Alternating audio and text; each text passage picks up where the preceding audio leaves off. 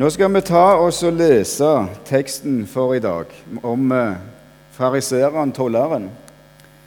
Kanskje kommer det en tekst opp på tavla òg. Den eh, er henta fra Lukas 18. Og det er fra vers 9 til og med 14. Han fortalte også denne lignelsen til noen som stolte på seg sjøl at de var rettferdige og foraktet de andre. To menn gikk opp til tempelet for å be. Den ene var en fariseer, den andre en toller. Fariseeren sto for seg selv og ba slik.: Gud, jeg takker deg fordi jeg ikke er som andre mennesker, røvere, urettferdige, horkarer eller som denne tolleren. Jeg faster to ganger i uken og gir tiende av alt jeg tjener. Men tolleren sto langt borte. Han ville ikke engang løfte øynene mot himmelen, men slo seg for sitt bryst og sa, Gud, vær meg syndig, synder nådig. Jeg sier dere, denne gikk rettferdiggjort hjem til sitt hus, ikke den andre. For hver den som opphøyer seg selv, skal fornedres, men den som fornedrer seg selv, skal opphøyes. Skal vi ta oss og be litt sammen før vi går litt videre? Himmelske Far, så takker vi deg, Herre, for at du er sammen med oss her i dag. Så ber vi om at din ånd må komme inn over oss, hver og en. Du kjenner hver enkelt som sitter her. Så vet vi òg at dine løfter de gjelder òg i dag. Så vet vi at du kan møte oss gjennom ordet ditt. Takk for at vi har deg å komme til med alt. Må du velsigne stunda og være med oss. Amen. Det er noe underlig med, med, Bibelen. Enten vi leser fra Gamle testamentet eller fra Nye testamentet, så er det høyst, høyst relevant og anvendelig nå i dag òg, for meg og for deg. Så er det sånn at det treffer hjertene våre gang på gang, den gang som nå så er det ord til trøst og til oppmuntring, til veiledning og forklaring. Men òg, og ikke minst, så er det òg for å avsløre og òg forandre. Sånn er Guds ord. Og her møter vi altså Jesus, som taler til noen som hadde store tanker om seg sjøl som satte seg sjøl høyere enn andre, som stolte på sin egen rettferdighet og så ned på andre. De følte seg så mye bedre enn de der. De der ute, de på den andre sida. Og Her forteller Jesus altså om to personer. Og det spesielle, om vi kan si det sånn, så ser vi at begge ønsker visst å ha et for så vidt tilpasning og et kirkelig eller religiøst preg. Personer som eh, vi òg i dag finner i våre sammenhenger, i kirker og bedehus. Her i teksten så befinner vi oss altså nå i forgården på tempelet. Og det var her jødene gikk til fastsatte tider for å be. Fariseeren han eh, står for seg sjøl, står det. Og Allerede her ser vi at han følte seg annerledes. Han følte seg for god i forhold til de andre. Han ville ikke blande seg med de der. Så sier han, 'Jeg takker deg. Jeg takker deg.' Ja, hvem er det han takker? Takker han for at Gud har gitt han liv? For at Gud har gitt han tilgivelse, for at Gud har gitt han nåde. Gir han æra til Gud? Nei, han avslører tankene om seg sjøl og sin overlegenhet. Han er sjøl tilfreds i sine egne handlinger og gjerninger. Se, sier han, og peker på seg sjøl, hva jeg har fått til.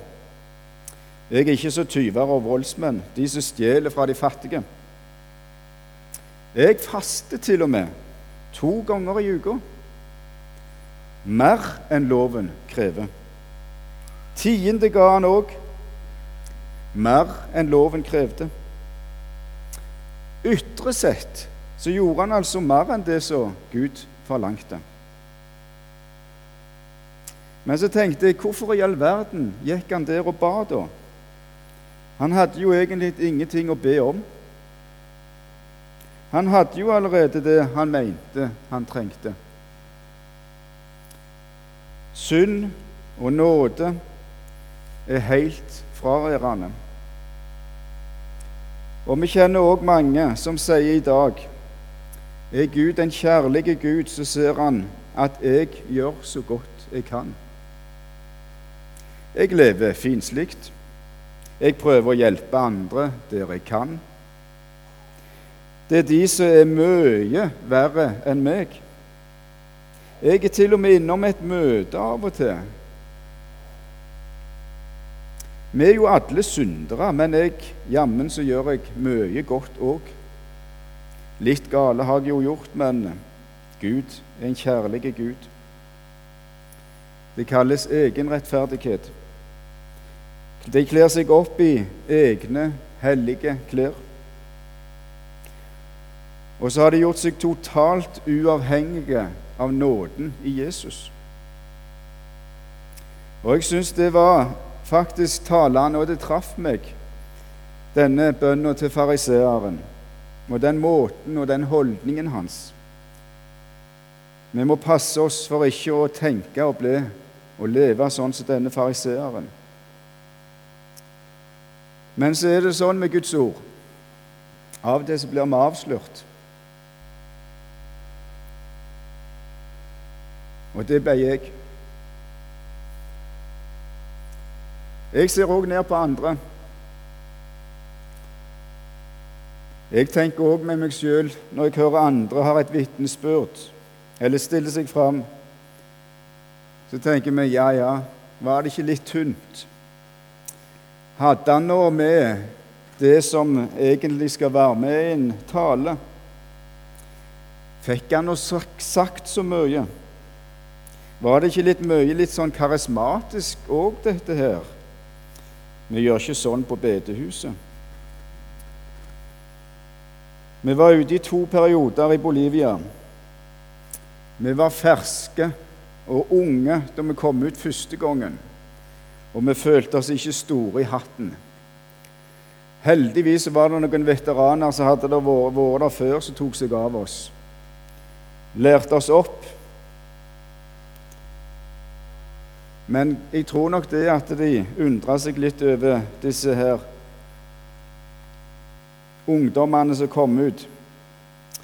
I andre periode, periode så var jeg, eller vi, veteraner. Da var det vi som skulle ta imot nye. Stakkar. Og da fikk jeg av og til en tanke Hva i all verden er det de sender ut nå? Vi gjør jo ikke sånn i Misjonssambandet. Har de ikke gått på fjellhaug? Fariserertanken, holdningen han slo inn så kler vi oss i hellige klær av og til for at det skal se fint ut.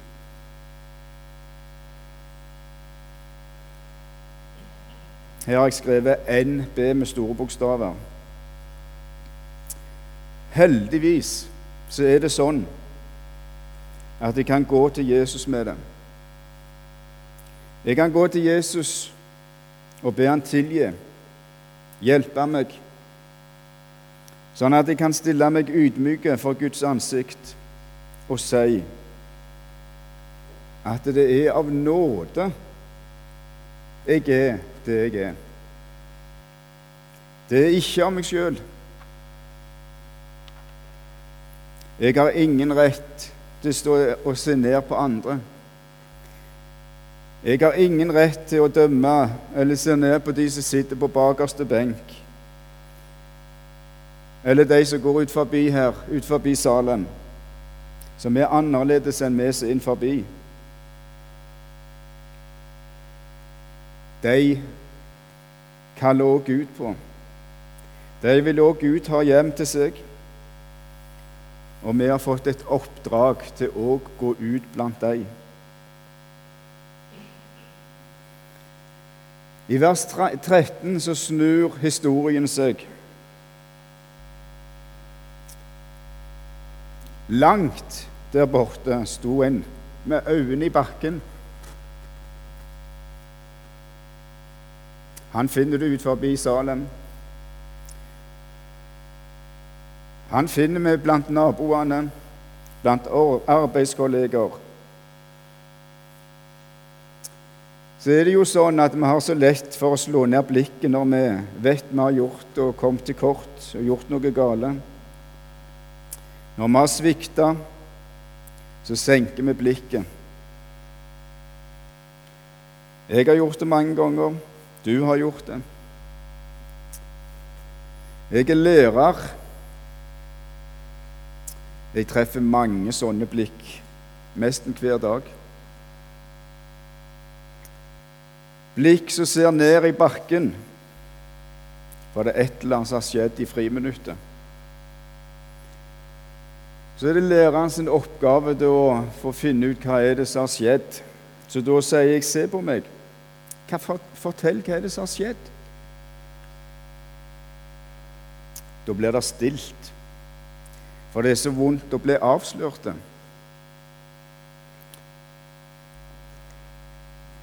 Ja, men jeg mente det ikke sånn, sier de. Så kommer tårene, og så kommer innrømmelsen. Så får de sagt hva det var. Så får vi ordne opp. Oftest er det jo bare småting. Men eh, etter de har fått sagt hva det var, så løfter de igjen blikket, og så kommer smilet tilbake. For det var så godt å få gjort opp. Tolleren hadde stukket til seg penger som ikke var hans i mange år. Han var en tyv, en forakta person. Og nå sto han så vidt innenfor på bakerste benk med samvittigheten, for den hadde innhentet han. I de siste ukene har det vært masse avisoppslag om en eh, sports, en, en eh, syklist som heter Steffen Kjærgaard. Tatt i doping, eller han hadde iallfall dopa seg under sin proffkarriere. I 15 år så har han gått med en dårlig samvittighet for det han hadde gjort. Og han hadde egentlig tenkt at dette skulle han ta med seg i grava. At det ikke skulle komme ut. Men det gikk ikke. Morgen og kveld sto han opp, og han la seg med denne uroen her inne. Jeg har gjort noe gale. Og til slutt så sa han på tross av at han hadde bestemt at han ikke ville gjøre det, så sa han det Jeg orkte ikke mer. Jeg orkte ikke mer. Alle seirer, alle mesterskap, alle titlene hadde han juksa til seg. Til slutt så måtte han komme med innrømmelsen. Tolleren han gikk til Gud med synda og sa Gud, vær meg synder nådig. Han så at han ikke kunne bære han sjøl. Så kom han til Herren akkurat sånn som han er. Og det er det som er så fantastisk med Bibelen. Det gjaldt den gang, det gjelder i dag, og det gjelder i framtid. Løftene. Den som kommer til meg, vil jeg slett ikke støte ut, sier Jesus. Og Her er ikke snakk om gradering, stor eller liten. Nei, et sønderbrutt og sønderknust hjerte vil du, Gud, ikke forakte. Det er full tilgivelse. Det er full frifinnelse. Se, alt blir nytt. Hvorfor gå med det? Hvorfor bære på det? Én år, ett år, to år, ti år, 15 år? Her under korset kneler jeg ned. Her under korset finner jeg fred. Her får du drikke av nådens kilde, som bare strømmer på. Det er flott. Det er fantastisk å være en tilgitt synder, der alt blir glemt og kasta. Kanskje var dere noen av de som eh, fulgte med på Telemarkskanalen. Der gikk et program på fjernsynet. Og Jeg så for meg dette i forbindelse med denne teksten. Det er jo et fantastisk landskap denne kanalen går opp i. Noen av dere har gjerne reist med den òg. Men det ble sånn et bibelsk bilde. På denne båten så heter han jo til og med Victoria. Seier. Som føres, går opp i strømmen. Går oppover mot kilden. Han blir løfta oppover mot kilden gjennom slusene. Og For at det skal fungere, så blir portene bak lukka, og vannet strømmer på og løfter båten opp videre. Sånn er det å være en kristen. Du blir båren fram mot kilden når du lever i nåden. Og det som er det beste av alt, er at portene bak, det som var, det som er gjort, det er glemt.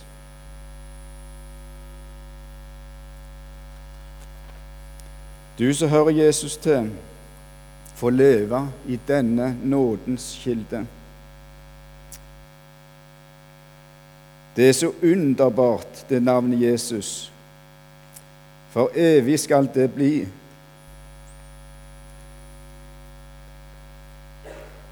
Min melodi. Det navnet ga meg full og herlig frelse. Det løste meg fra syndens slaveri. Og så kunne denne tolleren stå og ta imot tilgivelsen. Så ble han satt fri. Gud for alle riker dømmer selv og sier, 'Denne, han er fri'. så er det sånn vi som hører Herren til Selv om ting er vanskelige og vonde, så har du alltid en plass å gå. Så er det sånn at dine overtredelser er skjult i nåden. Aldri glem det, og ta med deg det hjem i dag. Dine overtredelser er skjult i nåden. Amen.